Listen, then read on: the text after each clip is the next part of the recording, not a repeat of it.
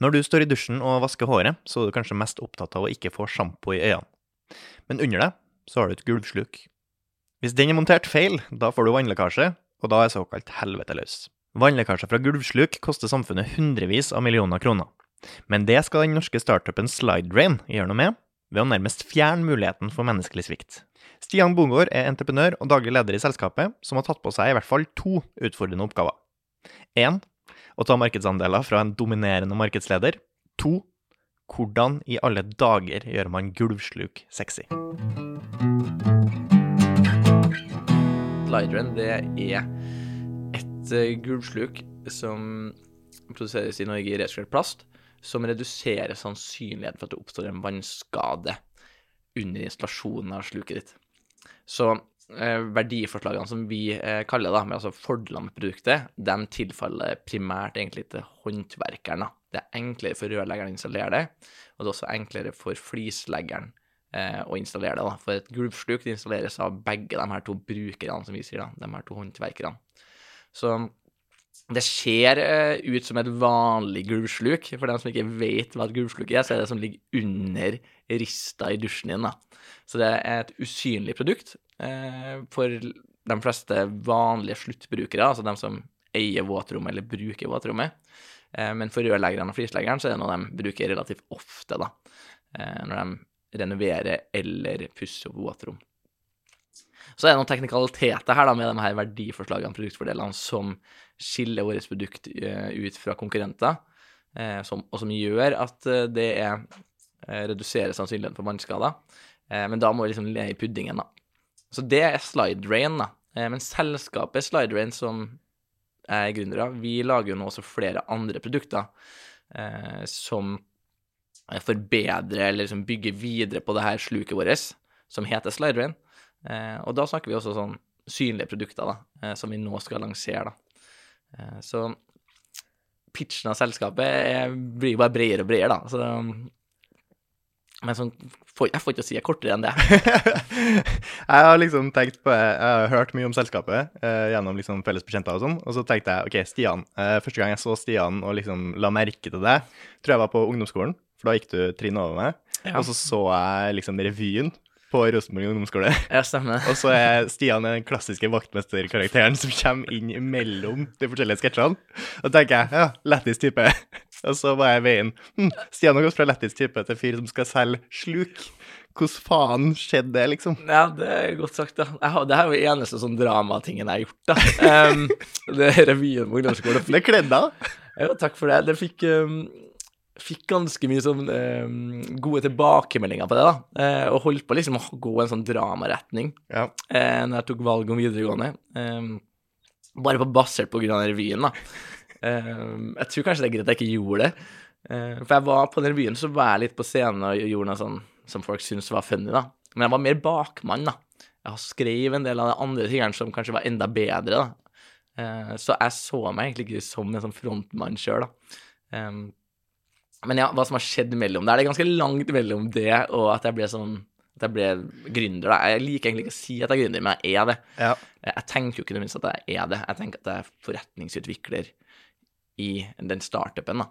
Ikke sant. Du gikk på en måte økonomiruta, eh, og så på et eller annet tidspunkt så endte du opp på entreprenørskolen i eh, Trondheim?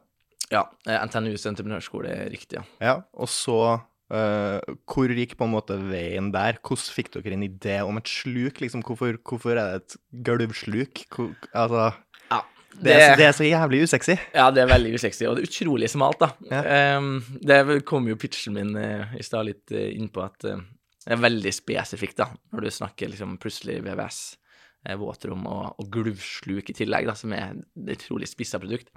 Men på NTNUs entreprenørskole så Jeg kan si litt om studiet, da. Um, og det er egentlig at det er en det er master på Induc uh, på NTNU Gløshaugen, uh, hvor de tar inn halvparten ingeniører. Det er et krav. Og resten av halvparten er egentlig alle kan søke, da, så lenge du har nok studiepoeng som tilsvarer en bachelor.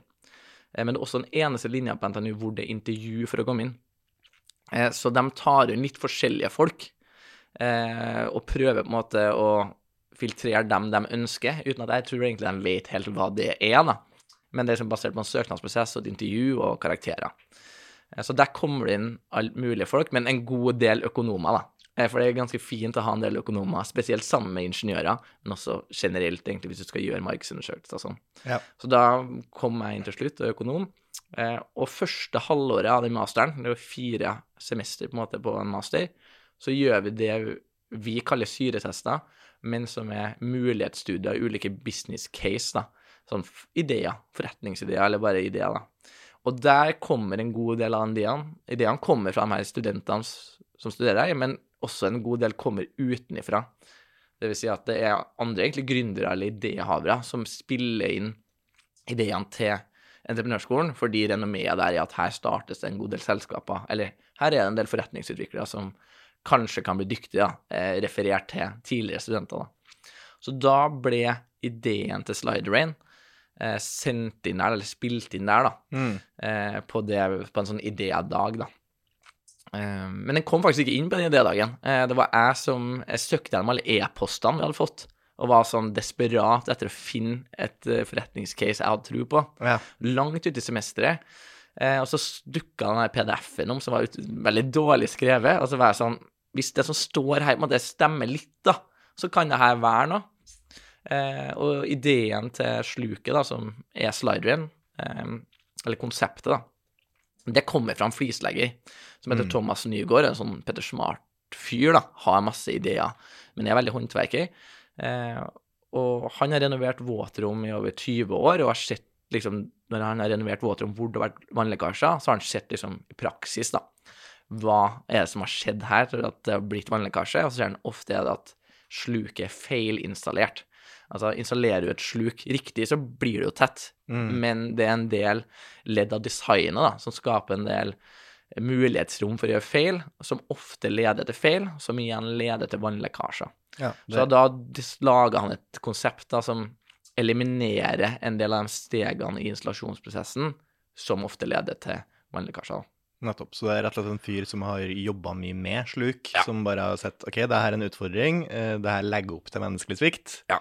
Hvordan kan vi fjerne det her på best mulig måte, sånn at det ikke oppstår store vannlekkasjer, som er pissdyrt? Ja, veldig dyrt, da. Eh, Og det var jo det vi jobba litt med i ettertid, da. Hvor stort er det her problemet? Eh, Stemmer problemet og sånn? Det jobba vi masse med, da. Men vi mottok på en måte et konkret eh, En prototype allerede, og liksom en konseptuell løsning, da, som vi har ikke redesigna, men liksom prata med mange andre brukere, da. Kan vi endre litt på det her? Så vi har endra litt på det, men den konseptuelle løsninga er helt lik. Eh, og så har vi også på en måte eh, sikra eh, IP-en eller patentet videreført det til andre land og sånn. Så, Mm. eh, men det var en base der. Eh, og så står vi da, eh, det kullet da, som jeg gikk da, etter semesteret, står vi igjen med masse sånne her mulighetsstudier som vi har gjort da, på ulike forretningscaser. Og da ligger jo det sluk her bare som en av 30 ulike caser som vi har jobba med den høsten, som klasse, da, kan jeg si. da. Mm. Eh, og så var det jeg var den eneste i den klassen som var sånn For meg så er det det sluket her som jeg har tro på, da. Eh, og så fikk jeg med meg co-founderen min, da, eh, Henning. Eh, og vi har jobba med det siden da, da. Ja. Så det var jo ikke det at jeg, jeg hadde Så har jo ulike studenter ulik motivasjon eh, for hva de vil jobbe med. Mens jeg var veldig sånn Jeg vil jobbe med det her business caset som jeg har mest troa på. Da. Det er min motivasjon.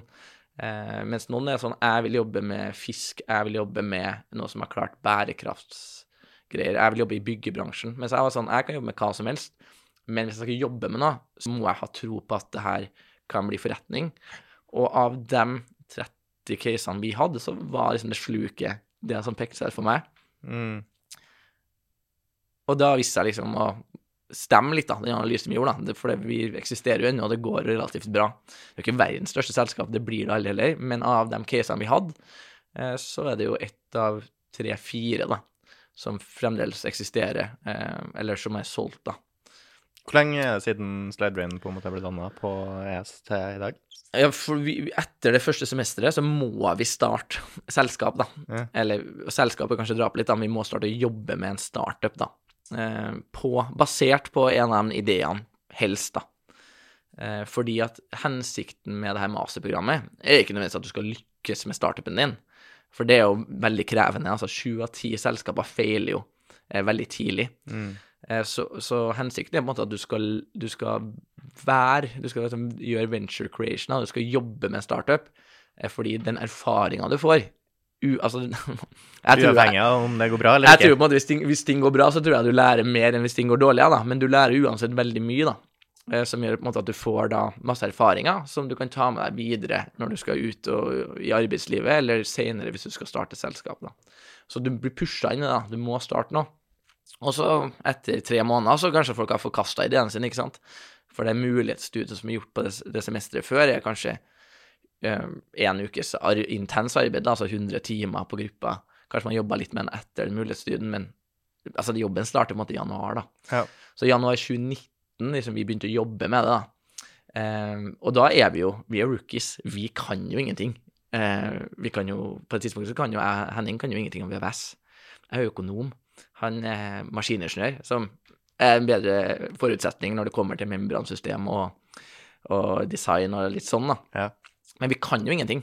Så vi begynner jo egentlig på scratch der, og bare har en sånn veldig troa på at vi skal få det til, siden alle andre som har gått på studiet, får til ting som er mye mer krevende. Så da blir det litt sånn Hvorfor skal ikke vi få det til? Ja. Eh, og så etter hvert så blir jo vi flinke òg, da. Men eh, man gønner jo bare på det, og så ser man hvor langt det går. Eh, og så for vår del så har det på en måte ikke stoppa, da. Så i starten var det en sånn intens jobbing for å prøve å drepe ideen din. Ikke sant? Du vil ikke jobbe med noe som Det er veldig dumt å jobbe med noe i ni måneder som du kunne vært ferdig med etter to. Exact. Så det er sånn hele tida hvordan drepe inn ideen, og så på et tidspunkt var det sånn OK, nå gunner vi på. Så da begynte vi i januar 2019, som nå begynner å bli fi... Og det blir jo fire, fem år, det, ikke sant? Men da tar vi en fullverdig master på Induc, samtidig som vi driver selskapet her. Ja. Og jeg sjonglerte vel da to ganske krevende deltidsjobber i tillegg. Eh, så det er jo begrensa hva man får gjort, da. Det er vanskelig å kjøre fullt tempo samtidig som gjør da alt det her. Mm. Eh, og du er jo student, så du har ganske, du har sikkert ganske pakka sosialt liv. Um, men eh, ja, så for vår del så var det egentlig først etter vi var ferdig og hadde fått litt kapital, at vi liksom ordentlig fikk tempo på det. da. For du klarer ikke å produsere opp et plastprodukt uten kapital. Nei. For du må investere i produksjonsverktøy til de her plastkomponentene. Eh, så det var, jeg ville si sånn, fra vi fikk kapital, da, som vi klarte å få henta, det var jo først våren 2021 Ja. en vi ordentlig fikk fart på det. da. Så liksom det vi brukte to og et halvt år på eh, i starten, kunne man måtte kanskje gjort på et halvår Ja. eh, i realiteten. da. Så har egentlig tatt tre år da, fra eh, en idé til at du faktisk har et fysisk produkt som dere nå kan selge. Det kan Hvordan- si. Hvordan går den reisen der, liksom fra dere endelig Ok, nå har vi fått på plass en slags eh, prototype og prøvd litt forskjellige ting. Eh, hvordan får vi liksom denne prototypen i masseproduksjon? Hvordan får vi solgt det? Ja, det, det er et godt spørsmål. Og så er det noen sånn bransjeting da, eh, som gjør det kanskje enda mer krevende eh, med et gulvsluk, da. Eh, siden ting som skal inn liksom et våtrom, må være sertifisert. Eh, og da er det gjerne Sintef som gjør det i Norge, men det kan også være sånne europeiske sertifiseringer. Det vil si at eh, vi kan på ikke lage noe vi er helt sikre på går gjennom den sertifiseringa. Eh, Så i teorien, hvis du skal bare lage et plastprodukt, så er det jo egentlig bare eh, å sjekke om markedet vil ha det og tute og kjøre. Men vi må være helt sikre på at det vi lager, faktisk kommer gjennom sertifiseringa etter vi har laga det. Mm. Og et sånt produksjonsverktøy koster jo For oss så laga vi ti produksjonsverktøy. En kostnad på nesten ja, to millioner kroner. Mm. Eh, og det er på en måte Du får ikke godkjent noe i den sertifiseringa med mindre den tingen du sertifiserer, er produsert på den måten det skal produseres. Nettopp. Så, Så produksjonslinja må være på plass før dere får det godkjent. Ja, vi valgte å liksom dra ned risikoen og være helt sikre på det, da. Så Altså, du kan på en måte 3D-printe nå, eh, men det er egentlig ikke godkjent i en sertifisering. Mm. Eh, eller du kan på en måte frese ut noe fra en plastkube. Da blir det veldig likt, da. Eh, men så går du kan, du, altså, du kan teste sertifiseringa, men du vet jo ikke om det Eller, du kan teste den sertifiseringa, og så kan du regne med sånn Ja, det her kommer til å bli godkjent, men Mm. du får ikke sertifiseringa. Okay. Så for vår del så måtte vi jo gjøre en god del testing først, da. Eh, så vi, vi brukte jo lang tid på å designe produktet, og så kjørte vi noen tester. Og sånn, OK, det her blir, kommer til å bli godkjent, for vi består testene nå. Og så går vi da egentlig ut til investorer og sånn Vi skal lage det produktet her, det koster så mye, eh, og vi har en kunde som sier at de vil forhåndskjøpe så mye av det, da. Og da liksom lager vi et pitchdekk, og så drar vi rundt til eh, investorer eh, og pitcher det, da. Det Mm. er business-caset, da. Men da har vi ganske mye på plass, da. Vi vet hvor mye det koster å produsere det. Vi vet hvor mye vi kommer til å selge i starten. Eh, vi har validert designet eh, og egentlig etterspørselen hos kunder. da. Mm. Så det er ganske mye jobb der, da. Sånn er det ikke for alle startups. på en måte. De kan bare gå til kunder, få validering, ja, det her vil vi kjøpt, og så bare begynne å selge. Enten for at Hvis det er hardware, litt mer, for da, da må du jo lage hardware. Men for oss har du også i tillegg at vi må vite at det består den sertifiseringa, da. Ja. Så Men det er jo litt mer utfordring der, og det gjør jo kanskje også at det er mindre konkurranse akkurat i du kan jo si det, bransjen. men så har jo vi eh, etablerte konkurrenter, da, Ja. eh, som Som har liksom ja, Den største konkurrenten vår har sånn 80% markedsandel. Mm. Eh, Så det produksjonsverktøyet til et par millioner er jo ikke så veldig stor risiko for dem, da. Eh, Men samtidig, siden de er så store, eh, så er de ikke noe, det ikke noe De jobber ikke så mye med innovasjon. For hvorfor skal de investere i nye produ eh, produksjonsverktøy eller nytt design som er bedre hvis de allerede har nesten hele markedet, da. Mm. Så det, det er litt som å selge Jeg bruker å sammenligne det litt som konkurransesituasjonen. da, Selv om markedet blir mindre, så er det litt som å selge barberhøvler mot skjelett. da. Ja. Jeg tror nok det er mulig å lage bedre barberhøvler mot skjelett enn skjelett gjør, men det er veldig krevende å konkurrere med dem, da, og dem er jo ikke noe insentivert for å bedre teknologien sin, med mindre kommer en bedre barberhøvel på markedet, ikke sant. Ja. Så det er litt sånn det er, da. Hvordan, eh, altså, hva er fordelen med deres produkt kontra eh, konkurrenten, da? Ja, da blir det, da blir det detaljert, da. Eller det sånn, eh, som er lett å forstå, er jo at eh, vi er norskprodusert. Ja. Det, må- jeg tror ikke vi selger så mye på det, men det stemmer nå i hvert fall. Kortreisprodukt. Eh, eneste gruslukke som produseres i resirkulert plast. Ja. Så vi har mindre CO2-utslipp. Eh, og foreløpig også det eneste gulvsluk på markedet som har en EPD, da. Altså en, en, et slags eh, dokument som viser, dokumenterer det her eh, lavere CO2-utslippet, da. Ja. Ja, så det kan være interessant for en del som skal ha BREAM-sertifisere bygg, da, altså bygg. Ikke sant? Det er det letteste å forstå. Um, Og det er jo et godt salgspoeng det i dag. ja, ja det, det fungerer nok eh, bedre mot entreprenører enn det gjør mot rørleggere, eller de skal måtte, bare løse installasjonsprogrammet sitt mm. raskt, da. Mm. Men folk er veldig opptatt av norskprodusert, faktisk, og, og bærekraft kommer jo mer og mer, da. Eh, Men det her er på en måte ikke ting vi starta selskapet på. Det er bare Nei. ting vi har implementert, for det her kan vi gjøre, og det ligger på en måte i verdiene våre. da. Eh, Og å produsere i Norge er også ting som er dyrere, men for oss som er så liten, så er det, tror vi det er mer effektivt. da. Vi vil jo produsere i Norge, eh, men også så er det jo kort vei til leverandør. Det er lett å iterere. Det er korte avstander og bedre kommunikasjon, som jeg tror vi sparer på. da. Men potensielt dyrere. Potensielt dyrere, ja, ja, det er, dyr, det er mye dyrere, men, eh, men kanskje ikke så mye store bildet da, for selskapet på kort sikt. da. Men også på lang sikt, egentlig. Plastproduksjon er jo mye strøm. Det er ikke så mye arbeidstimer som går inn i det, nødvendigvis. Men eh, selve produktfordelene eh, Det blir veldig teknisk til, til håndverkere, men eh, enkelt å forstå er at vårt sluk eh, kommer med et monteringsverktøy som gjør det enklere å montere det. da. Mm. Eh, så det er en slags støpemal, for når du installerer et sluk, så støper vi alltid eh, et gulvstøp for å avrette gulvet, men også for å ha varmekabler i. Og den høyden på det støpet, den er det veldig vanskelig å estimere, da. Det monteringsverktøyet vårt er en støpemal som gjør at det er veldig lett å få riktig støp, og det får du også på millimeteren. Så det er den ene tingen.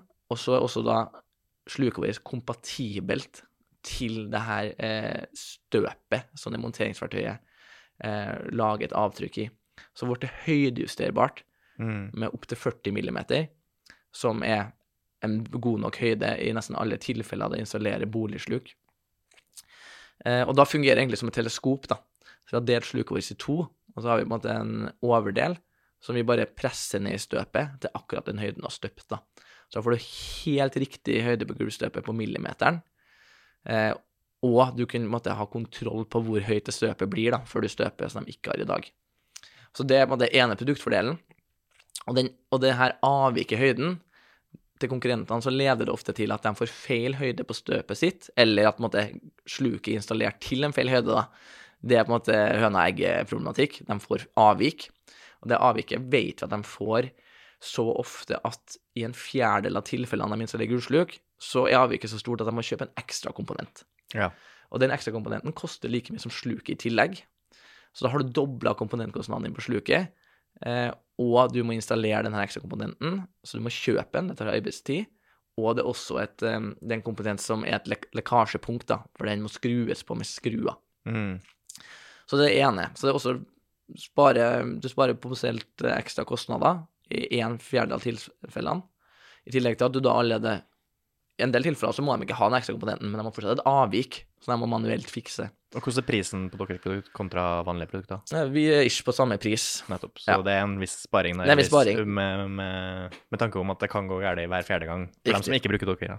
Riktig, så, sånn sett så vil det være relativt billigere. Men så har vi det monteringsverktøyet som du må investere i, da. Men det er ikke spesielt kostbart. Så det ene, så det, sånn, det blir en enklere og en bedre installasjonsprosess for håndverkerne, med mindre risiko. Eh, men i tillegg så fjerner det et lekkasjepunkt, da, så vi vet at det dokumentert er et problem eh, i forbindelse med vannlekkasjer i våtrom. Det andre er um, at vi har vi har jo ikke noen skruer, så det er en skrueløs overgang mellom sluket og membransystemet ditt til oss. Og det er for at vi ikke har det som kalles en klemmering. Det er faktisk en del som vet hva en klemmering er. For klemmering er et veldig kjent lekkasjepunkt, og det er også en av få tingene en takstmann ofte sjekker når han sjekker måtte, manuelt måtte, TG-en på våtrommet ditt, da, tilstandsgraden. Så eh, hvis du bare åpner opp rista på sluket ditt, så ser du at du har slukpotta di, som er en slags plastkonstruksjon. Oppå der så ligger det en metallring eller en plastring som er festa med skruer. Og det er egentlig bind, det er den som binder membranen du har på badet, altså det som gjør våtrommet ditt tett, sammen til sluket. Mhm. Så da har du på en måte et membransystem som du tar og bretter da på en måte sammen, eller kobler sammen til sluket ditt ved å klemme det fast med en klemmering da, som har skruer. Så du skrur egentlig gjennom tetthetssjiktet ditt, Ja. men så smører du på noe smørmembran, eller det er ulike løsninger som du tetter til, da. Ikke sant? Men aller helst vil du jo ikke lage hull i ting som skal være tett. Det er jo litt det som vi også tenker, da. eh, og der har vi laga da en, den duken, da, som ofte er Det er ofte en duk her, da. Så du kobler membranen med en duk, og duken til sluket. Så på en måte membran, duk, sluk. Og så er duken som er bindeleddet, som vi fester med klemringen. Vi har tatt den duken her, og så har vi integrert den i sluket vårt. Det vil si at når vi produserer sluket vårt på plastfabrikken vår i Hønefoss, så smelter vi den fast. Nettopp. Så den er integrert, så den sitter hardt fast til sluket vårt, og den er også sertifisert for at den, det er bra nok vedheft, som vi sier. Som gjør at du får en skrueløs overgang til membransystemet ditt, da, Ja. som reduserer sannsynligheten for at en vannskade oppstår, siden man vet at den klemringen her er et lekkasjepunkt. da. Mm. Så det er da en sikrere løsning. da. En slags uh, Hvis du har en eh, vase, så er det en veldig, veldig stor åpning på den vasen, bare at den er myk som en duk. Skjønner du hva jeg vil? Ikke helt, men det er bare sånn istedenfor å koble noe sammen med skruer, Ja. så har vi bare Smelta det sammen sammen. Ja. Riktig. Så hvis vi oppsummerer nå, så er det, det er høydejusterbart, og så har vi da en skrueløs overgang Mm. til membransystemet ditt, da. Altså ikke en klemring med skruer. Og det her har dere fått seg til liksom samme pris som de vanlige produktene. Jeg skjønner ikke hvordan det her ikke skal på en måte Nei, det- ta markedet som bare faen sier. Ja, nei, det, det går jo ganske bra, da. Eh, Vi selger en del av det. Nå er det jo vanskelig å konkurrere mot en så, stor konkurrent, men vi er så heldige at vi har eh, fra start ganske bra distribusjon. Det er veldig viktig når du skal lansere et nytt produkt, at det er mulig for kundene å få tilbake. Mhm. vi, eh, vi har én kunde, og det er et selskap som heter Brødrene Dal, som er Norges største VVS-grossist. da.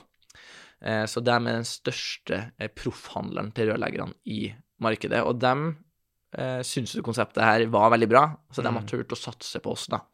Så Slide range-luke får du tak i over hele Norge, i 55 utsalgssteder, og også på dal.no, da, som er deres netthandel. da. Eh, Så det er veldig tilgjengelig, men folk, eller folk sier jeg, rørleggere, da, og, og flisleggere, de er som mange andre. De er jo ikke noe glad i å ta i bruk nye produkter. Nei. Spesielt hvis de har brukt et produkt eh, som vi mener er dårligere, da, men de har brukt det i 20 år, eh, kanskje 25. Eh, så det er jo ikke noe lett å få dem til å bytte. Eh, men når vi får det til, da, så kommer de tilbake og sier sånn Det her var genialt. Mm. Eh, kjempeprodukt. Og så har vi noen utfordringer med kompabilitet, da. Eh, at vi passer i alle tilfeller. Typ sånn, se for deg eh, Du vil kanskje ikke begynne å bruke en Mac før, dem, før Mac har Word. Nei. Så vi må liksom passe til alle tilfeller rørleggerne faktisk skal installert sluk, da. Så da jobber vi med kompabiliteten, eh, og den holder vi på å øke nå, da. Ja. Og da får vi nok flere og flere brukere, da. Og der er mye utfordringer med gamle bygg liksom, og gamle komponenter, eller det, finnes det også nye, nye bygg der dere rett og slett ikke passer? Eh, Det finnes Nå, er det, nå, det- nå, begynner, nå kommer vi med en del tilleggsprodukter som gjør at vi passer i sånn 95 av tilfellene, eh, som begynner å bli ganske bra. Eh, Men den store utfordringa er membran, da. Mm. Eh, For der er det en liksom veldig komplisert fagområde, faktisk. Det er så mange ulike membranleverandører, og så er det litt sånn uenighet i bransjen, egentlig, da, om du kan bruke denne membranleverandøren, eh, membranen til det her systemet og sånn. Og det handler om egentlig at det er veldig store selskaper som beskytter seg sjøl ved å lage barrierer, da. Ja. Eh, Men der holder vi på å løse opp i det òg, da. Eh, For de ser at vi har et godt produkt, så de ønsker etter hvert, istedenfor at vi må passe dem, så kommer de litt til oss og bare sånn Ja, vi, skal, vi vil fungere til dere, hvordan gjør vi det her, da? Mm. Så det holder vi også på å løse opp med, da, men det tar litt tid, da. Ehm, ja. Så dere er et typisk produkt der det er på en måte rørleggerselskapene som er kunder, eller den direkte rørleggeren som rett og slett drar til eh, en grossist, eh, Brødrene Dal i deres tilfelle, kjøper utstyr fra dere som de da monterer hjem hos folk. Riktig. Og det her er det her, sånn som jeg har forstått det, så er det også Det må være en rørlegger som gjør det for at det skal bli godkjent? Riktig. Eller rørleggeren må godkjenne arbeidet som er gjort, da. OK. Eh, Men et sluk Altså, det er en, det, er en eh, det visste ikke vi, eller vi hadde gjort en analyse på det, men eh, forsto vel ikke hvor komplisert eh, kundereisen til et eh, sluk faktisk er, da. Nei. Jeg mener at den er utrolig krevende i forhold til veldig mange produkter som finnes, da. Det har litt med at det er i byggebransjen å gjøre, men det, det er noen spesielle ting med et sluk da, som jeg syns er interessant, da, og det er på en måte som forretningsutvikler som jeg tenker at jeg er utdanna som. Ja. Eh, en liksom gøyal oppgave, da. Får vi til det her, så jeg har fått til en veldig krevende ting, da. For som jeg sa eh, innledningsvis, så installerer sluk av to brukere. Okay. Det er en rørlegger som installerer sluket, men så er det en flislegger som legger membranen. Mm. Og våre sluk henger sammen med membranen, eh, eller de støper også gulvet, så den høydejusteringa vår kommer på en måte i effekt for flisleggeren. Mm. Mens flisleggeren kjøper ikke sluket, det gjør rørleggeren. Så vi har én, vi har to brukere som installerer, men fordelene tilfaller prim, eller de største fordelene med produktet vårt, som bortsett fra at det, det blir eh, færre vannskader, så er det flisleggeren som i praksis får liksom de, de beste fordelene da, i jobben sin. Mm. Sånn at vi må få rørleggeren til å kjøpe et produkt som flisleggeren får de største fordelene med, da. Mm. Det er fordeler for rørleggeren, men primært så er det sånn ah, det er nice for flisleggeren. Så, så bare der er et problem. Men så har du kanskje oppå der så har du kanskje en rørentreprenør en entreprenør, som prosjekterer inn hvilket sluk som skal brukes. Så rørleggeren kjøper Noen rørleggere kjøper det- sluket de vil ha, men noen må også kjøpe det som er satt igjen til prisen. Så da er det en person på kontor som har bestemt sluket, som ikke har noe med selve installasjonsprosessen å gjøre, Mhm. men som vi forklarer ja, men bruk sluket vårt fordi det blir potensielt billigere eh, når du skalerer opp, ikke sant, på grunn av at du slipper det her feiltagelsene. Ja. Og det blir også redusert sannsynlighet for vannlekkasje. Og vi er, vi er kompatible til Bream-sertifisering. hvis vi skal mulighet. Så det er sånn, Ja. OK, vi må inn der òg. Og så mener vi også at vannlekkasjer, det er jo han som sitter igjen med bygget sin fordel.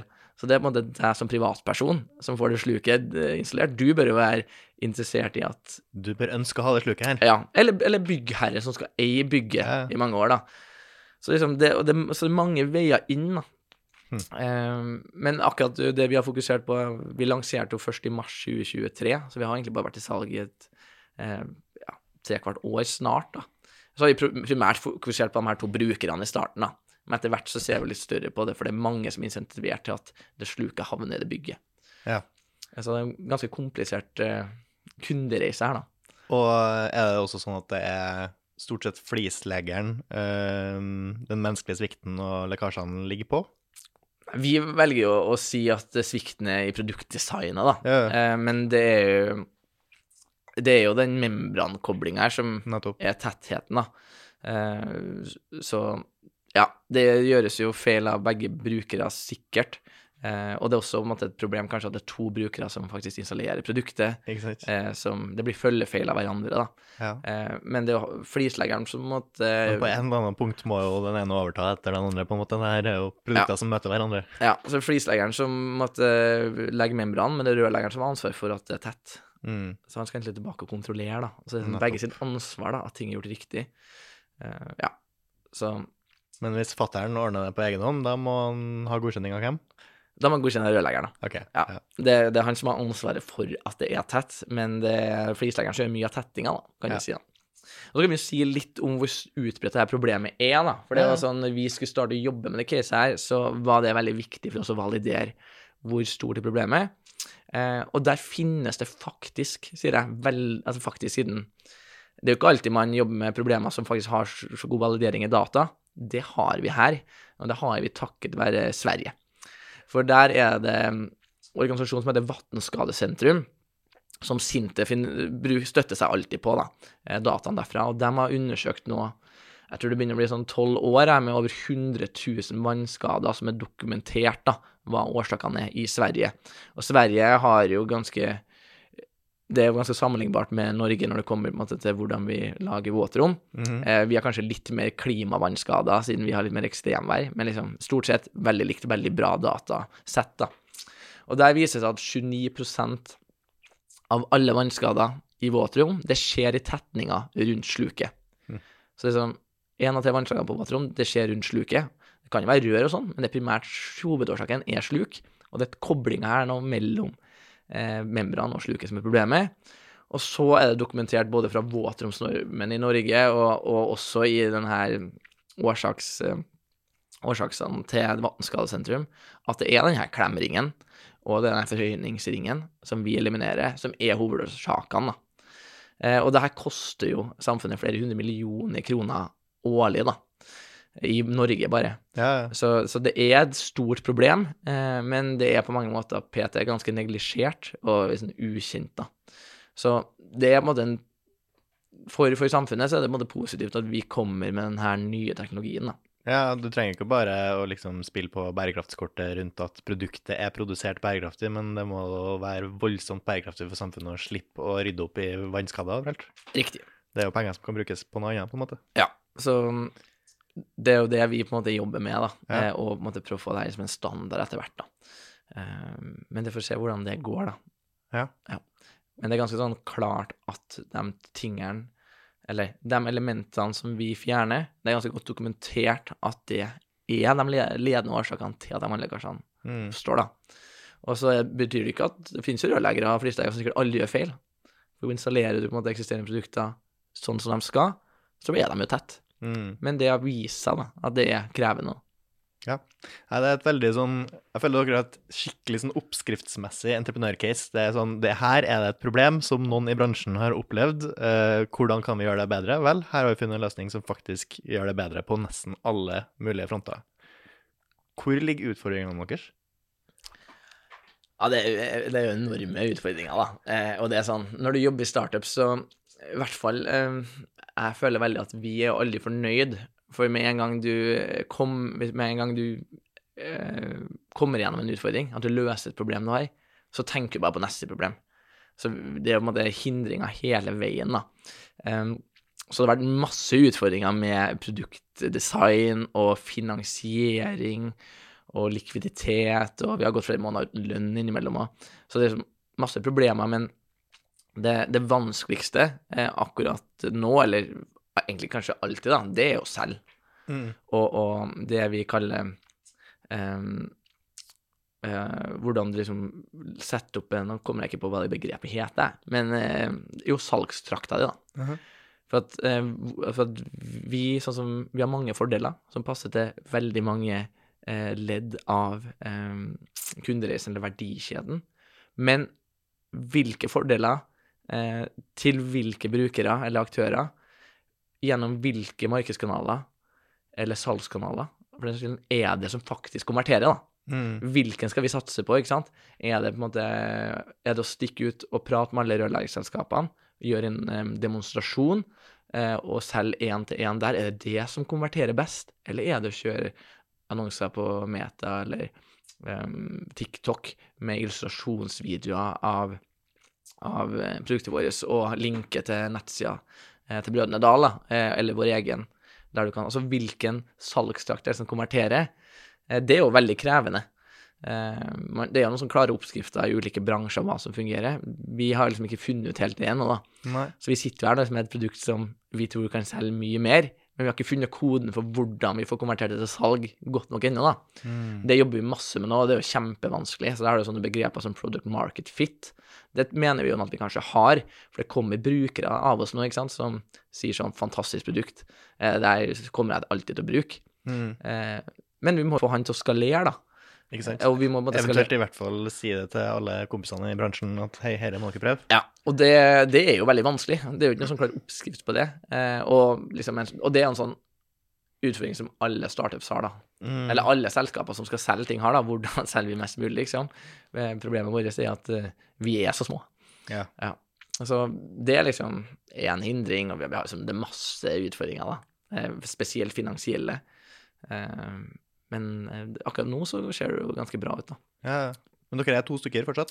Vi er to, eh, så vi, vi, um, har det, vi har det som strategi, da, ved å være lean. Ja. Um, og det har nok vært helt vesentlig. Eh, og vi gjør alt sjøl.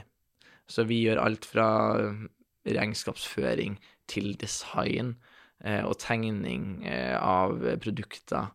Mm. Vi er på en måte designere, eh, vi, vi gjør alt av markedsføring sjøl. Vi, altså, vi gjør alt sjøl. Hvor, pro kanskje hvor produseres produktet? det produseres Vi har to leverandører. Den ene er i Hønefoss, det er Ja. Og så nå har vi også laga noen nye produkter som jeg ikke har fortalt om.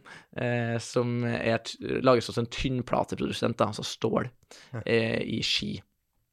Eh, så dem, dem er jo med å bidra inn i produktene, men vi gjør nesten alt sjøl, da. Ja. Så vi blir veldig poteter. Eh, og der kan man si sånn, OK, kanskje det hadde vært bedre å fått inn en spesialist eller én potet til, sånn at vi kunne gjort ting raskere, men da hadde vi også eh, økt kostnadene våre i måneden med nesten en tredjedel, da. Ja, ja. Eh, som også er vesentlig, da. Eh, så vi er bare to. Jeg tror det har vært rett strategi, og vi har også jobba en del ved siden av eh, for å ha mer inntekt, da. Vi har hatt eh, tidvis og fremdeles liksom ganske lav inntekt fra selskapet. Eh, og så har vi spedd på da med, med jobb ved siden av, da, som har vært primært å jobbe på universitetet eh, på NTNU, da. Mm. Eh, så ja. Men for meg, da, som overhodet ikke er noen ekspert, så høres det ut som det er et godt blad å sikte på eh, liksom store entreprenører.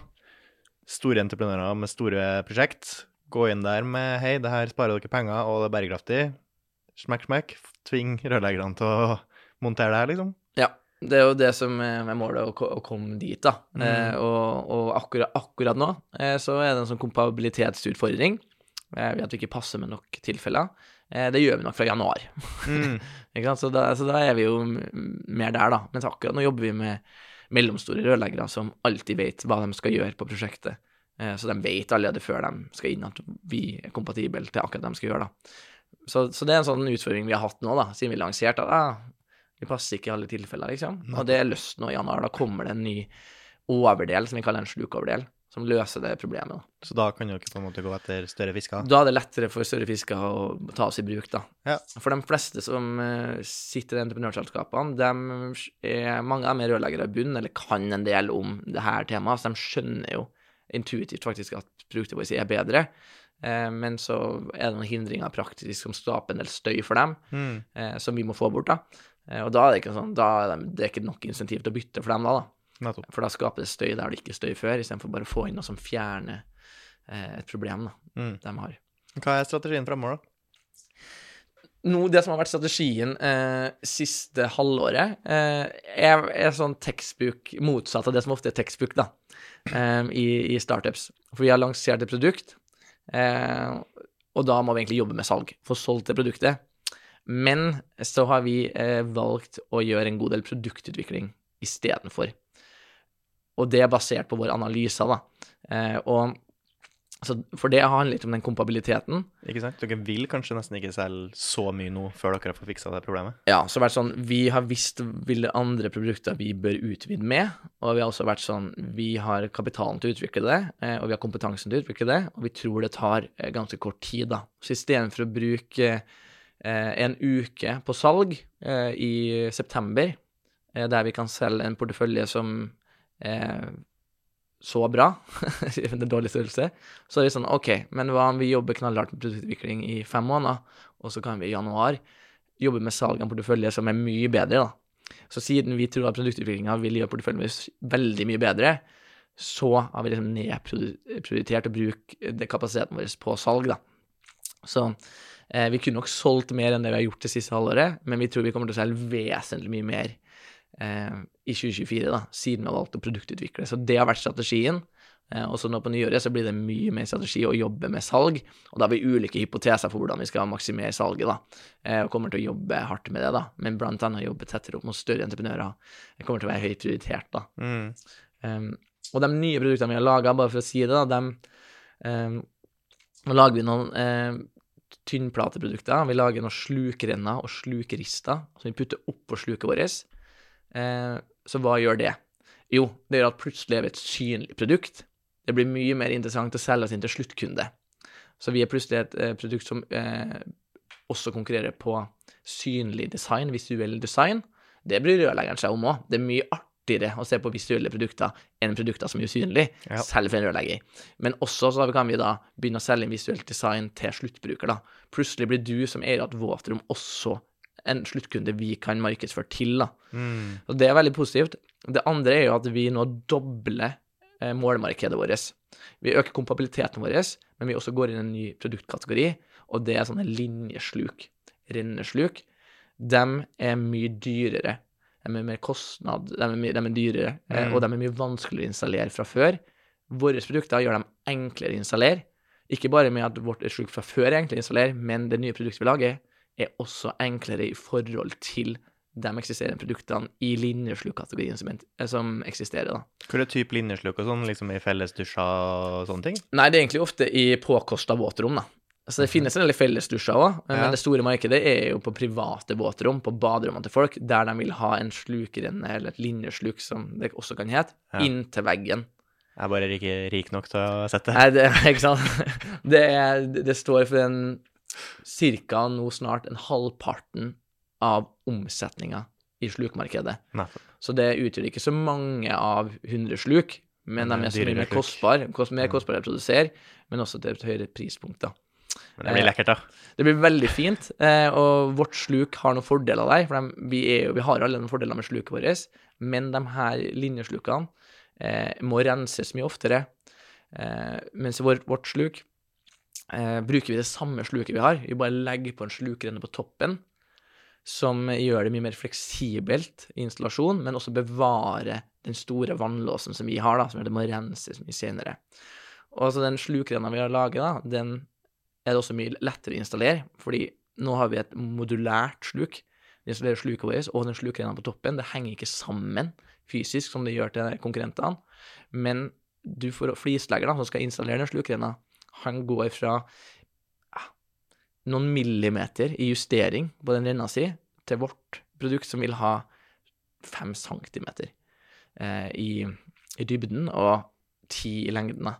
Det er vesentlig bedre å installere. Mm -hmm. um, så vi har veldig troa på det her, og det blir også det linjesluket da, til markedets beste pris. Så kom, kommer an på hvilken modell du kjøper fra oss, eh, men det vil nok være 20 opp til 50 billigere enn konkurrerende produkter. da. Så vi kan vi dobler vår, målmarkedet vårt. Eh, vi eh, har nye produktfordeler til, eh, til dem som installerer. Vi får en ny sluttkunde som er interessant, for vi får vise et produkt. Eh, og eh, Og det blir lettere å installere, egentlig, da. Mm. Så altså det er derfor vi har jobba med det, da. Altså, veldig troa på det nå, da. Men eh, med sånne luksusprodukt som det her, da, som på en måte er det er et påkasta Det er litt påkasta å ha rennesluk. Mm. Eh, nå argumenterer du for at dere får til en billigere løsning, men jeg har jo inntrykk av at ofte så i liksom luksusprodukter så er det nesten bedre å prise seg høyt, bare for at det eh, skriker mer kvalitet da, Mm, av det. ja. Hvordan har dere tenkt på det, eksempel? Vi lager jo et kvalitetsprodukt. Det er norskprodusert, mm. eh, og det er rustfritt stål, og det ser veldig bra ut. Eh, og det er også et veldig dyrt produkt.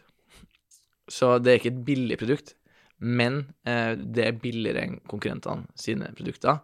Eh, og vi bør egentlig selge dyrere, eh, men det er der vi har valgt å legge oss i en sånn pris-kvalitetsmatrise, da.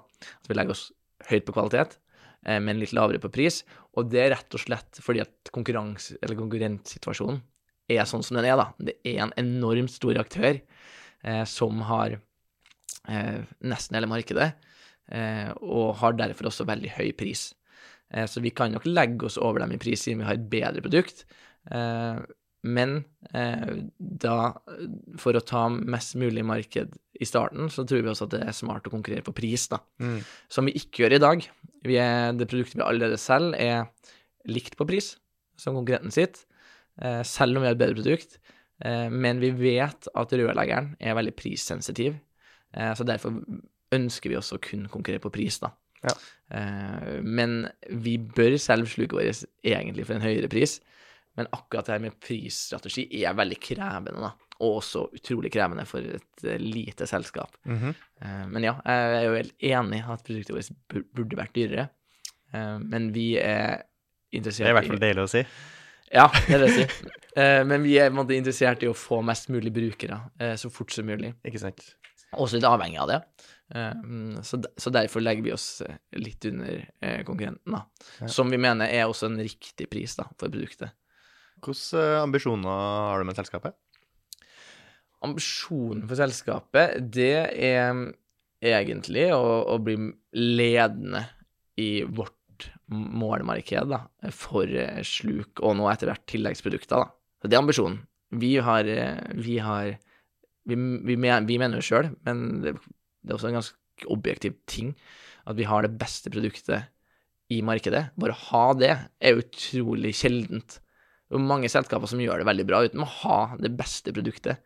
Vi har en teknisk løsning som er bedre enn konkurrentene, eh, og vi ønsker da selvfølgelig å ta hele markedet. Det er jo mest sannsynlig umulig, da, med en stor andel av det. Mm. Eh, og så kommer vi hele tida til å utvide målmarkedet vårt. da. Nå satser vi på Norge, men vi vet eh, at hele Norden egentlig er et veldig aktuelt marked, for vi legger eh, sluk på ganske lik måte.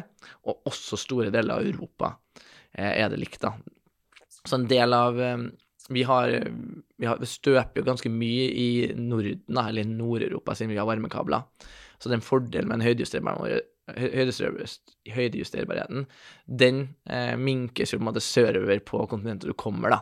De støper nok der for å avrette, da, men problemet er ikke like stort. Eh, men det membranproblemet er jo like stort, eh, og så ser vi også at eh, de blir mer og mer opptatt eh, Sør-Europa, og at våtrommet er tett, da. Det er jo ikke så viktig hvis det ikke er så mye kulde, på en måte, som gjør at eh, Altså, hvis ikke det er problem hvor vannet forsvinner, eller at det fordamper, så er det jo ikke så stort problem, men det blir de mer og mer opptatt av, da. Mm. Så vi har hele Europa som målmarked, og vi har også patentert i USA. Eh, Så målet er egentlig bare å bygge et så godt selskap som mulig, da. Det er liksom ambisjonene. Ja, og så ser jeg jo for meg at i hvert fall det luksusproduktet med altså Eller eh, renne, rennesluk. Mm. Det er jo i hvert fall skalerbart. For der er jo på en måte kanskje der kostnader har mindre å si i utlandet. Ja, og eh, det er jo, det er jo også en produktkategori som er voldsom vekst, da. Ja. Eh, og når vi selger til en lavere pris eh, enn konkurrenten, så åpner det også for et større marked, da. De som ikke har råd til å kjøpe det i dag. Vi kommer til å få masse nye kunder som faktisk ah, vi, har, vi kan også ha eh, linjesluk. For det, Mm. for det koster noen tusenlapp mindre, for eksempel, eller 3000 mindre, hvis du vil ha akkurat den typen. Eh, og det er jo noen fordeler med de renneslukene, er at du slipper å stå på sluket når du dusjer. Så du kan også ha rett fall mot vegg, istedenfor å ha sentrert fall mot et sentrert sluk, Mhm. som gjør at du kan ha et rett gulv, men som på en måte har fall mot veggen. Og da er det lettere å bruke store fliser. Fordi at hvis du skal ha et fall som er mot et sentrert punkt, så får du halvere du hvor kjapt du må ha fallet ditt. Og da må ofte ha små fliser da, for å dekke over at her går det sentrert mot et sluk. da. Eh, Så vi åpner også markedet. Vi, åpner, vi muliggjør jo for flere å kjøpe denne sluk ved å ha eh, lavere pris, som gjør at egentlig man åpner målmarkedet også, da. Mm. Det er flere som kan legge rennesluk nå, som gjør at du kan ha større fliser i dusjonen, du kan ha fall inntil veggen. da. Så vi tror at den kategorien kommer til å øke veldig mye, da. Eh, og at vi har modulbasert konsept, eh, tror vi også på en måte eh, øker på en måte sannsynligheten for at folk faktisk bruker det, da. Mm. Eh, det blir lettere å installere. Alle prosessene blir bedre. Da. Mm. Jeg ser for meg, som jeg nevnte, at det luksusproduktet selger bedre i utlandet fordi jeg ser for meg at uh, det vanlig sluk finnes det kanskje billigere konkurrenter av i utlandet. Mm. Eh, har dere sjekka litt på det òg, liksom? Eh, Ja, vi har sjekka en del på det, da. Vi har mest koll på Norden foreløpig. Ja. Men, eh, men det første linjesluket ble funnet opp av en dansk arkitekt eh, som ville lage et finere sluk, eh, og det klarte han, da. Eh, og fant opp linjesluket. da. Han var sånn Hvorfor er slukene så stygge, liksom? Og så laga han et, et sluk som ser veldig mye bedre ut. Eh, men som viser seg å være veldig krevende å, installere, og veldig kostbart, da. Som en del konkurrenter har kopiert omtrent, da. Og så har vi liksom tenkt helt nytt på det, når vi fikk vårt sluk nå til å bli eh, konvertere modulært til et linjesluk. Så det er jo det er jo solgt en del sånn linjesluk i Europa òg, da, eh, basert på den danske oppfinnelsen. Men, og er veldig populært eh, enkelte steder der, men ikke sånn, det har ikke tatt helt av, nei. Nei. Så det, det er mulig å skalere ut dit òg, da. Eh, definitivt. Eh, men der handler det også sånn som det gjør i Norge, det handler jo veldig mye om distribusjon, da. Vi er nødt til å ha distribusjon eh, i de landene for at det skal ta av. Eh, og der er mange av våre verdiforslag som er unike, da, også mot internasjonale konkurrenter. da. Personlig, da, det er jo litt sånn eh, Som du sa, du har ikke nødvendigvis et eh, brennende interesse for sluk da du begynte med det her. Det er bare et kult business case. Og det Mm. virker jo som din interesse ligger veldig dypt i liksom å få denne businessen til å fungere, skalere. Hva kreves i å bygge et stort selskap, liksom.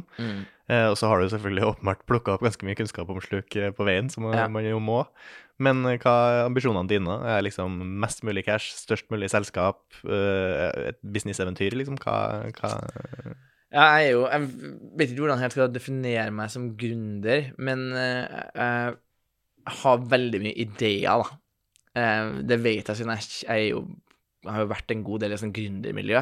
Veldig mye dyktige, eh, flinke måte, folk som jobber i startups. Så jeg merker at i forhold til dem, så har jeg veldig mye nye ideer hele tida, da.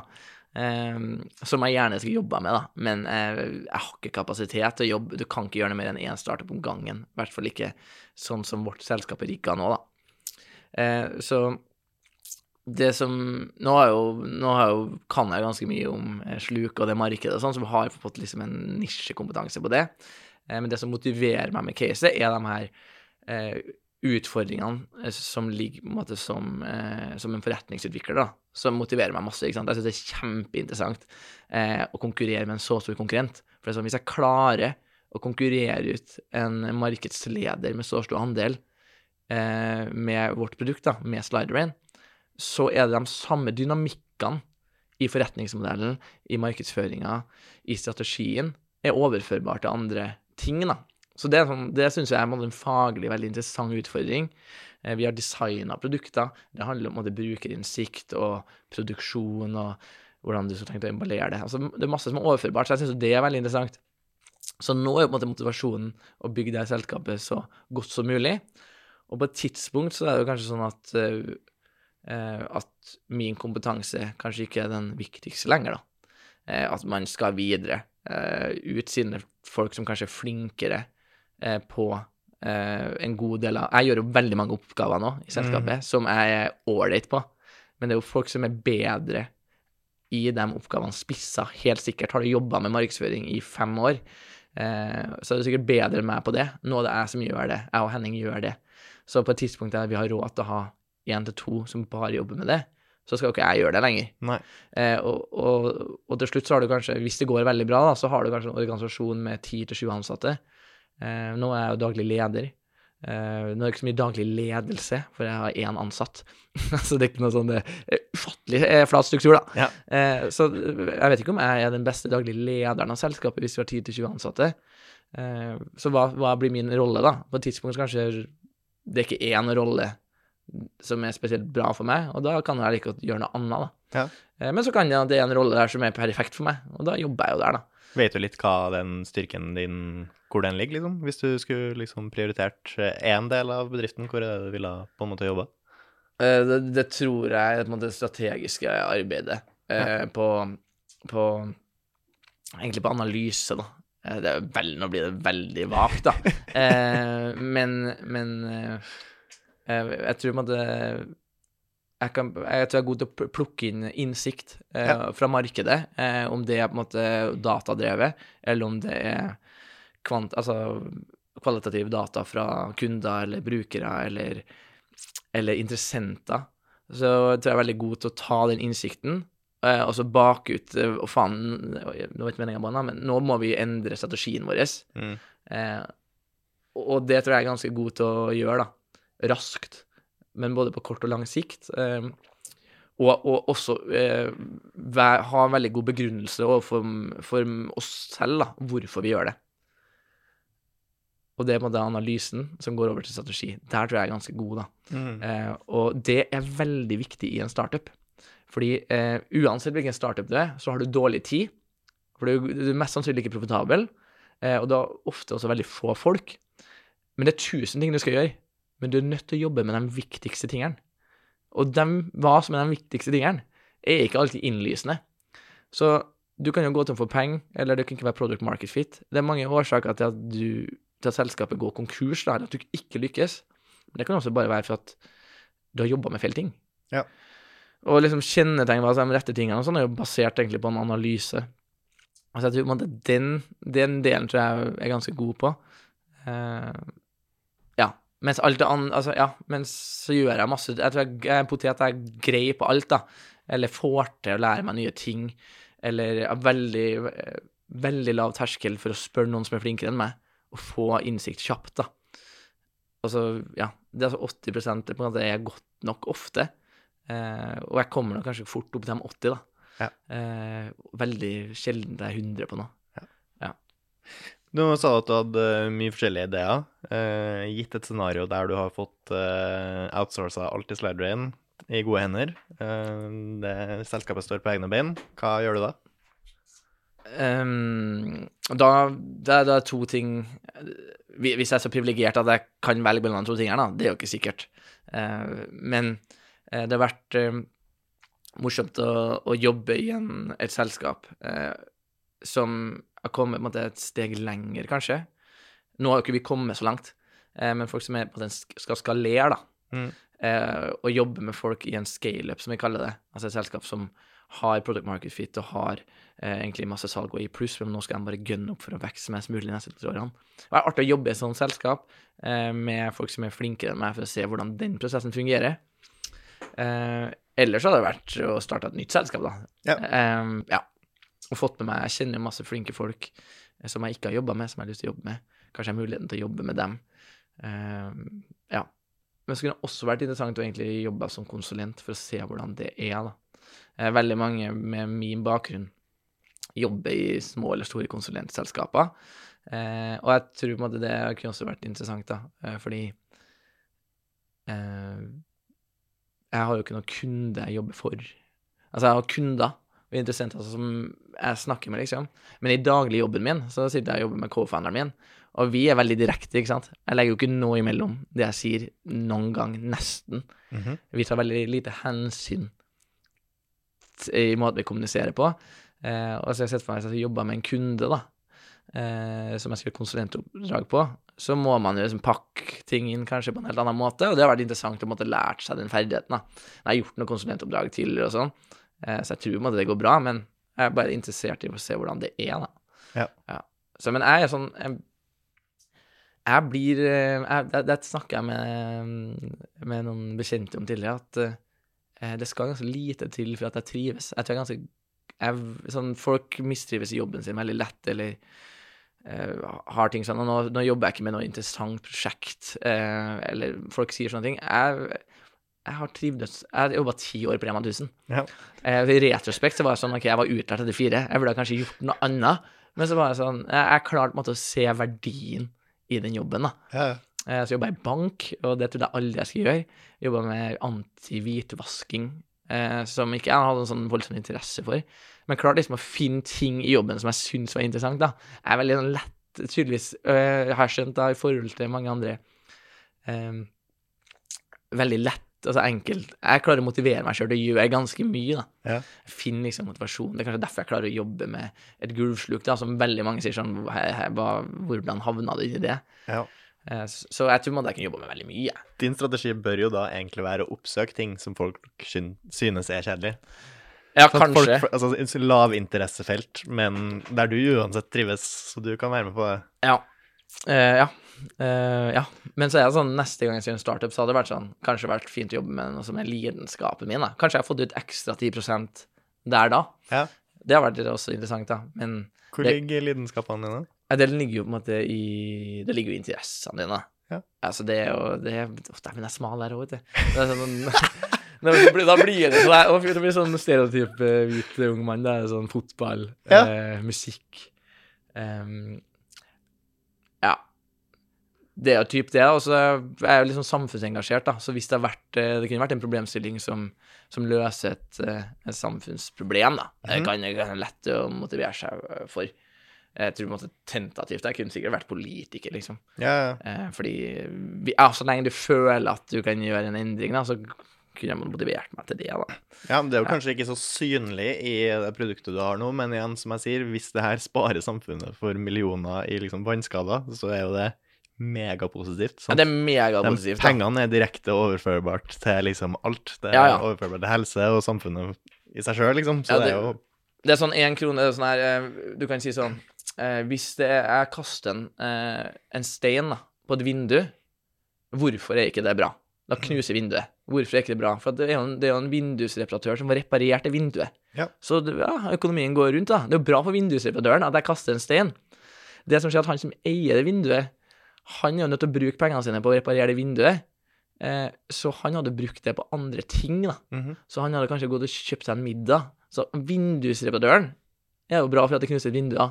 Men han som driver restauranten på hjørnet, han mister jo potensielt inntekta si, da. Så netto så er det jo ikke bra for samfunnet. Nei, så samme- slutta å knuse vinduer, så kunne han vindusreparatøren drevet med noe annet. Han kunne hjulpet fattige barn i Afrika med å dele ut vaksiner. Er Riktig. Liksom, Det er akkurat det. Så, og, så hvis vi har færre vannlekkasjer i vårt rom, Ja. så kan folk bruke det overskuddet på samfunnsnivå til å bygge billigere boliger. Ja.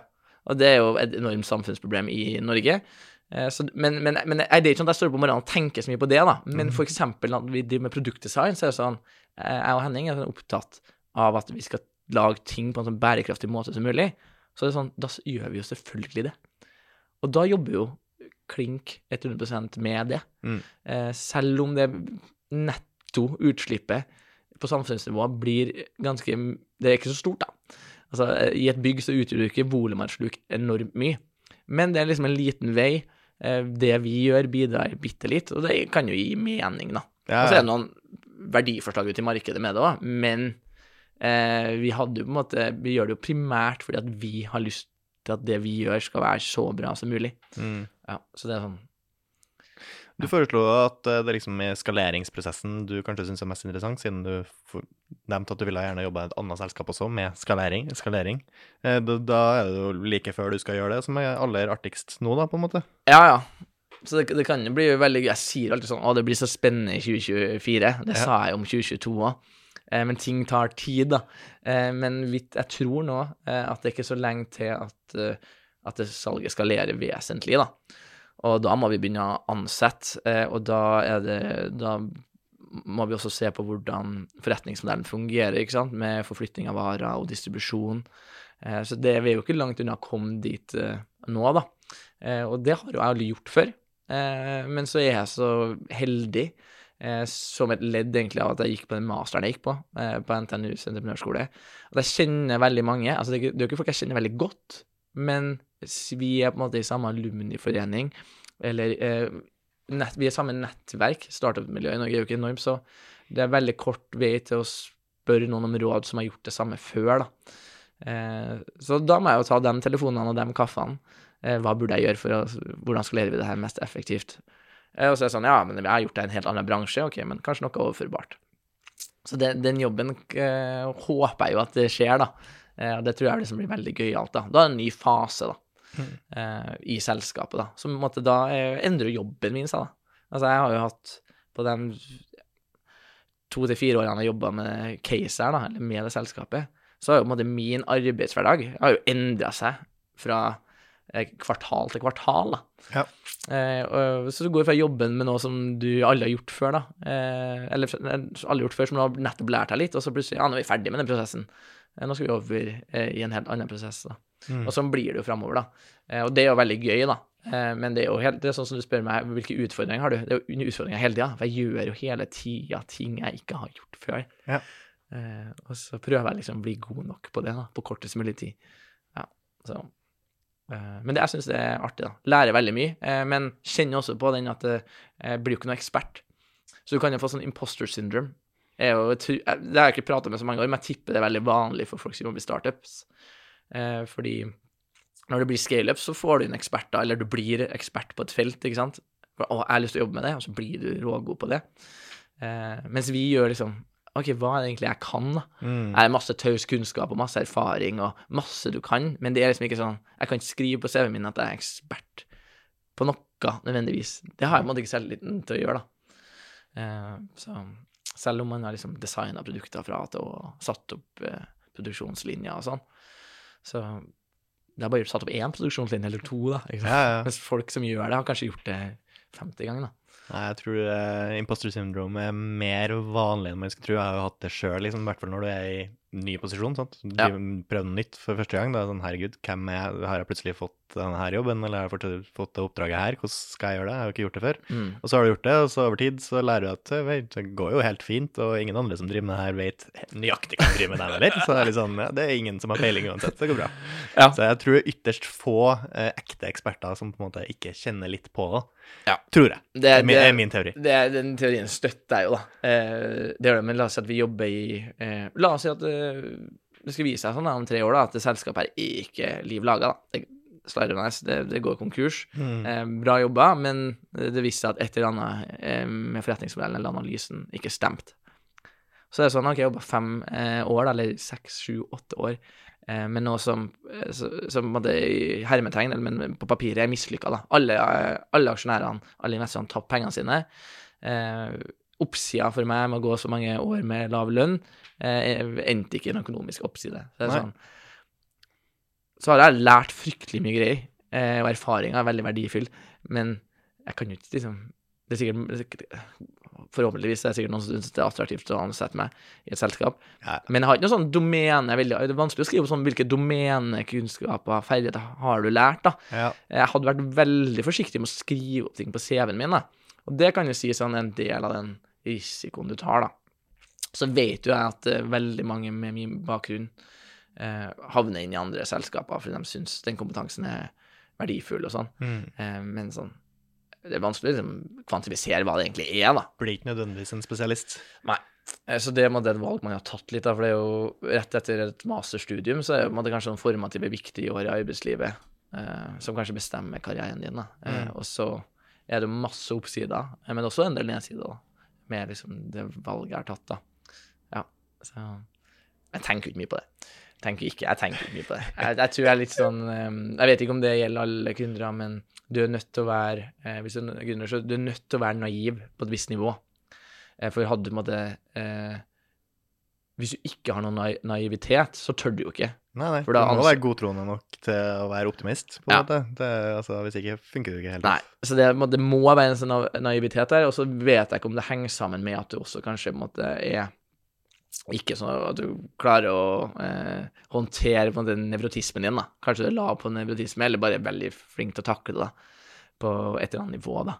For på enkelte tidspunkt i løpet av en startup så kommer det til å være utrolig mye press eh, som du legger på deg sjøl, men også ytre faktorer eller utfordringer og sånn. Eh, så det er jo på en måte det er jo en berg, Folk sier jo ofte at det er en berg-og-dal-bane, og det er jo noen daler der som er ganske krevende, da.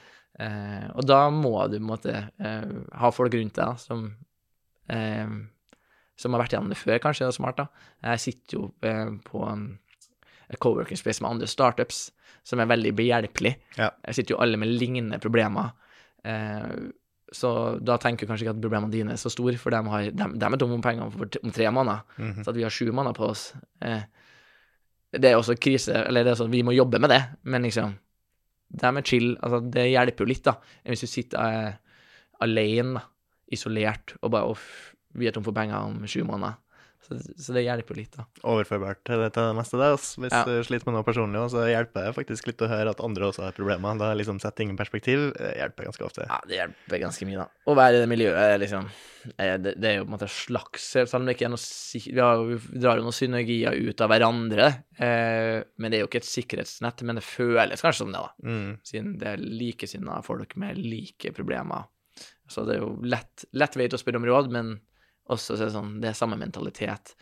Eh, Du, eh, du har heller kanskje ikke eh, Vet om du har jobb om fire måneder, ikke sant? Nei. Eller du vet heller ikke om du kan betale ut lønn om to. Det kan jo være liksom OK, ja, men han er blid i dag, han. Det går bra, liksom. smiler. Ja, ja. Litt sånn. Ja. Men eh, for å dra tilbake til musikk og fotball, da, som er dine lidenskaper. Ja, ja, ja. Hva kunne du sett for deg i de bransjene, liksom? Hva, har, har du hatt noen ideer der der du liksom tenker Vet du hva, det, det mangler. Uh, nei, det har jeg ikke. Jeg har en sånn Det er kanskje litt flåsete sagt, men det har slått meg at uh, en del uh, fotballklubber driftes eh, ofte av eks-fotballspillere som kanskje ikke har så mye kompetanse på eh, selskapsdrift, da. Så det har jeg liksom bare tenkt sånn eh, Det har vært gøy å jobbe i en fotballklubb, eh, fordi her ser jeg mange muligheter. Mm. Eh, jeg tenker at mange klubber skulle jobba litt annerledes. Jeg skriver bachelorgraden min eh, for øvrig om Ranheim fotball, hvordan de kan bli mer attraktive som sponsorobjekt. Ja. Så det er sånn overordna. Det har vært gøy å jobbe med fotball, for det tror jeg, måte, jeg syns har vært morsomt. Og så tror jeg på en måte at eh, jeg har noe kompetanse jeg kunne tilført, da. Eh, musikk er bare sånn det jeg syns er interessant, da. Men jeg vet ikke om det er så attraktivt å jobbe i musikkbransjen nødvendigvis, da. Eh, det vet jeg ikke helt. Eh, så Men jeg vet, jeg vet det finnes en startup i Norge som jobber med VR eh, opp mot eh, orientering på fotballbanen. Be your best. Ja. Det er sånn ah, OK, hadde jeg Hvis jeg har vært arbeidsledig, så har jeg kanskje søkt jobb. Det har vært artig å jobbe med, da, for jeg kjenner problemet. Eh, så da er jeg på en måte en bruker, eller hadde vært en bruker, Mm. som er bare sånn Ja, OK, artig bransje å jobbe med, kanskje. Jeg vet ikke hva jeg jobber i bransjen, men høres artig ut. Og jeg måtte også bruker sjøl. Det kunne måtte vært spennende, da. Ja. Men det er en søkt problemstilling for meg nå, da. Men jeg har ikke noen sånn klare greier, da. Men det er masse forretningsideer eh, som jeg hele tida pitcher til kompisene mine, da. Ja. Og noen blir eh, hata, eh, og noen blir elska, eh, men som bare ligger i en sånn bank, da. Som jeg er keen på å jobbe med en gang, da. Mm. Eh, eller jeg sparer videre til folk og sier prøv det her, liksom. Ja. Det får jeg hele tida, da. Eh, og det De er jo ikke alltid like gode, men jeg merker jo at jeg har eh, mange av dem, da, i forhold til mange andre i mitt miljø, da. Mm. Eh, og en idé er jo egentlig ikke verdt noe. Idé er jo bare idé, det er jo gjennomføringa som teller. Det er jo masse gode ideer der eh, som folk eh, bare prater om og ikke gjennomfører, og da, da er det jo ikke verdt noe. Ja, ja.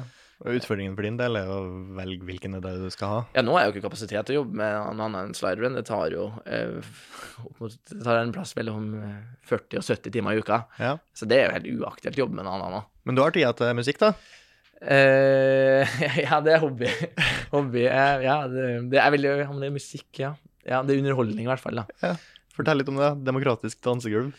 Jeg er med uh, i et klubbkonsept som heter Demokratisk uh, dansegulv, uh, som Ja, vi holder en del arrangementer på konsertscener, festivaler eller nattklubber, men også kan gjøre noen firmajobber, der vi på en måte er en time til 90 minutters underholdningsbidrag, da, eller klubb- klubbkonsept, da. Så det er to DJ-lag, altså én host, og så bestemmer publikum hva som er neste låt vi spiller i klubben. da.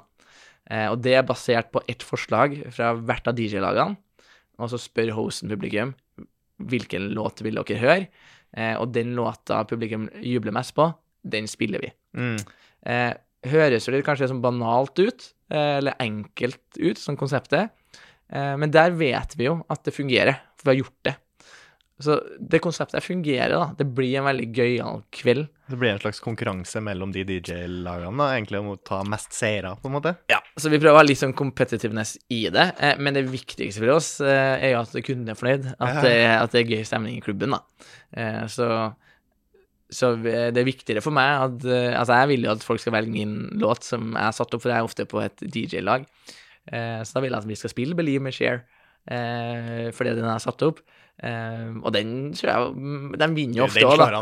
Den, den vinner den vinner ofte. den vinner ofte, da. Men, men hvis, eh, hvis motstanderlaget setter opp en bedre låt enn jeg klarte å diske opp, liksom, og Ja. folk vil høre den, så er jo det det artigste, da. Ja. Så det er sånn vinn-vinn, da.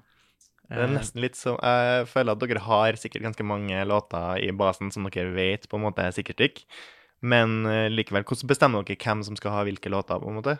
Eh, ja, vi, det, det, vi setter opp eh, Vi, vi planlegger kanskje én eh, låt på starten, bare okay. fordi at det er en del teknikaliteter med å komme i gang. da Så det er greit greit at vi har liksom uh, Jeg vet kanskje hva Jørgen setter opp hvis han er min motstander-DJ på første okay. låt, og han vet hva jeg setter opp første låt. Hvis det er vi som er to ledere av DJ-lagene. Og det er to bangers, da. Så det er sånn Begge kommer til å fly, håper, tror vi, da, på første låt. Ja. Men etter det så, så det Så vet ikke jeg hva han setter opp. Den låta som taper, den kan ikke bli valgt igjen senere, eller? Jo, vi kan nominere den på Vi har okay. ikke strenge regler, okay. ok. eh, men, men det er gøyest for oss Jeg går oss veldig inn i game theoryen her. Ja. Jeg lurer på, jo, det er, det som, er det som å spille krig i kort, liksom? Du har utdelt dine låter. Altså, sånn, jeg kan ikke spille share nå, jeg vet at den vinner, men jeg må spare den, for jeg tipper det kommer en litt Ja, ja, ja, vi har- vi dårligere har- konkurranselåt. Vi har et felles fellesbibliotek med en god del låter som, som er sånn Det her eh, vi, vi har jo på en måte et konsept som vi også vil eh, skal forbindes med en type musikk, da. Mm. Eh, som vi eh, tror, eh, eller også erfaringsbasert vet at funker veldig godt i klubben. Og det kan være så mye sånn guilty pleasures som Ja, ja. ikke spilles på byen, ikke sant. Eh, vi kan spille Backstreet Boys. Med, Ja, ja. Liksom, det er gøy, det. En låt som du vet eh, blir god stemning av, Ja, og folk, når hører du den på byen, da? Så det er ganske bra allsang, da. Det er gøy. Ja. Altså, det er en sånn variasjon, da.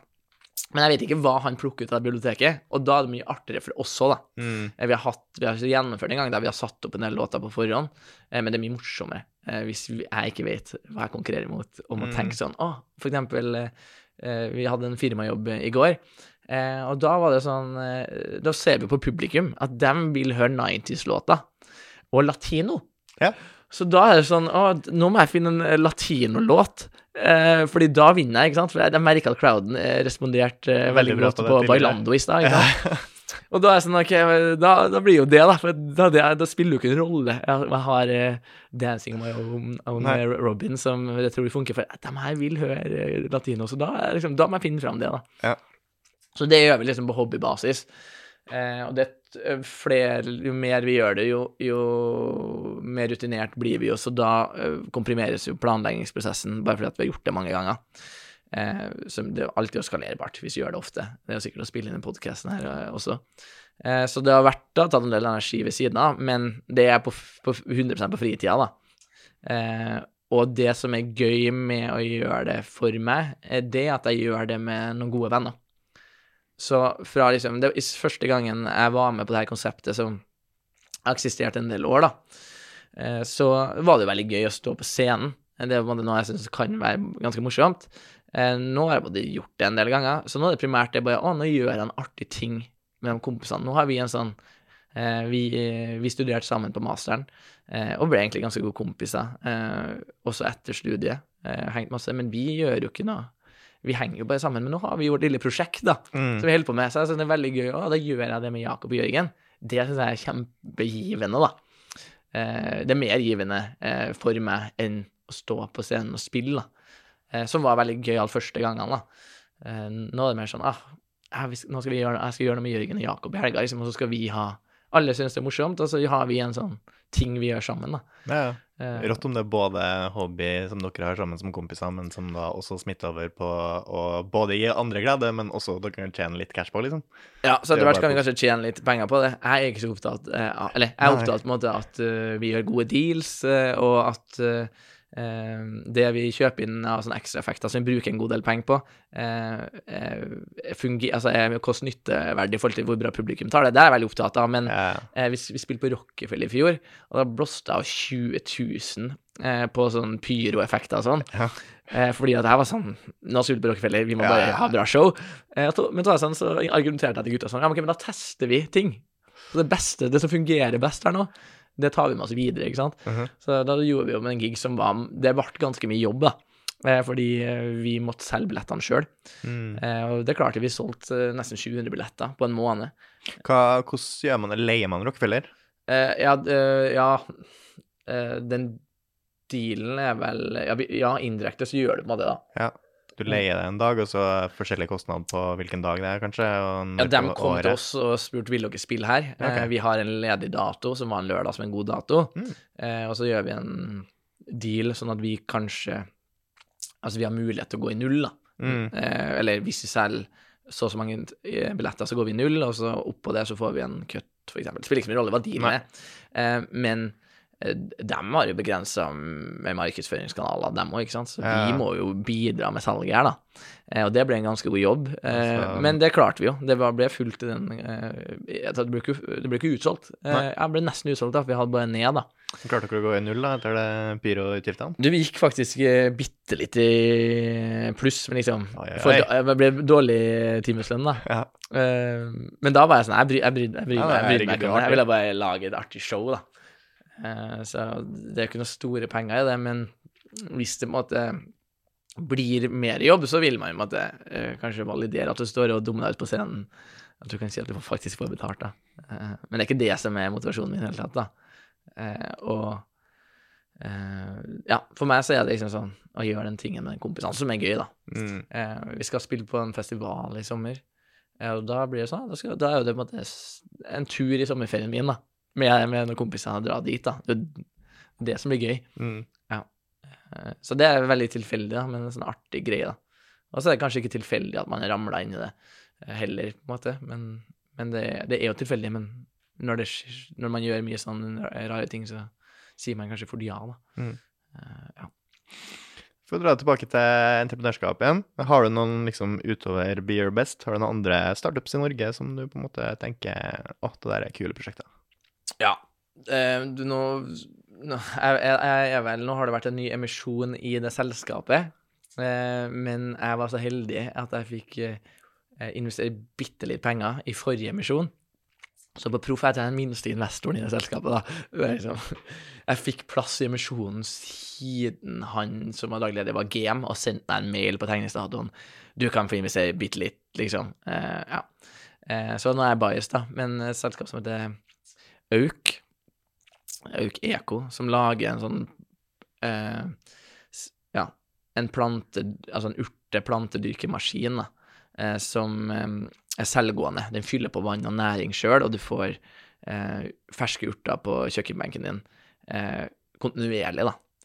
Eh, der kjenner jeg et par som eh, jobber, men jeg har også veldig troa eh, på det produktet, da. Eh, fordi det er det bedre produkt enn eh, konkurrentene i kategorien, og jeg vet at det er et veldig bra team, men så er jeg bare sånn, jeg har også troa på at den produktkategorien kommer til å vokse. Mm. Ikke sant? Hvor mange kjenner du som har en sånn plantedyrker i dag? Veldig få, kanskje én, to, kanskje ingen. Men om ti år så tror jeg på en måte kanskje Jeg tror ikke på en måte at alle har det, men jeg tror ganske mange, da. Mm. Så der er de godt posisjonert i en produktkategori jeg har tro på. Eh, og jeg vet det er et bra team, da. Det er sånn én startup liksom jeg vil ha sett eh, opp for. Eh, og så Jeg kjenner jo en del som jobber i en del startups, eh, og, en, og dem er, det er et par veldig gode startups der, da. Så sånn ene har du hatt på, på besøk. Eh, Markus Halvorsen, god kompis, han jobber i Glede. Kjempetroa på deres digitale gavekort, eh, for eksempel. Eh, og det er også et annet selskap som er fra kullet under meg på entreprenørskolen, som heter Quist Solutions, som driver med å lage software for miljøsertifisering av bygg. Mm. Eh, som jeg er veldig troa på. Det er jo sånn et selskap man ikke ser, med mindre man jobber i byggebransjen. For det er sånn B2B-byggebransjeting. Men eh, flere og flere byggherrer vil jo BREAM-sertifisere byggene sine. De vil ha miljøsertifiseringene på renoverte hus, som blir mer og mer vanlig, for vi vil bevare bygningsmassen. De skal også være sertifisert, og nybygg. Og så har EU-takstonomien, altså E- nye EU-regler, har sagt at eh, hvis man skal få best mulig lån av bankene, så må man måtte være opptatt av bærekraft i praksis, da. Og da lager de et produkt som kvantifiserer eh, denne eh, miljøfordelene. da. Veldig troa på det, da. Det Ja, mange, herregud. mange, mange jeg tror på det. Startup-miljøet i Norge har jo vokst voldsomt de siste 10 årene, 10-15 årene. Eh, og det er masse gode selskaper rundt der som jeg har troa på. Eh, og masse flinke folk òg. Siden miljøet vokser, er det jo på en måte flere folk som jobber her, og flere flinke folk, da. Og folk har jobba her lenger, og eh, ja. Masse dyktige folk og spennende startups, da. Stian, tusen takk for at du kom. Og takk for at jeg fikk komme.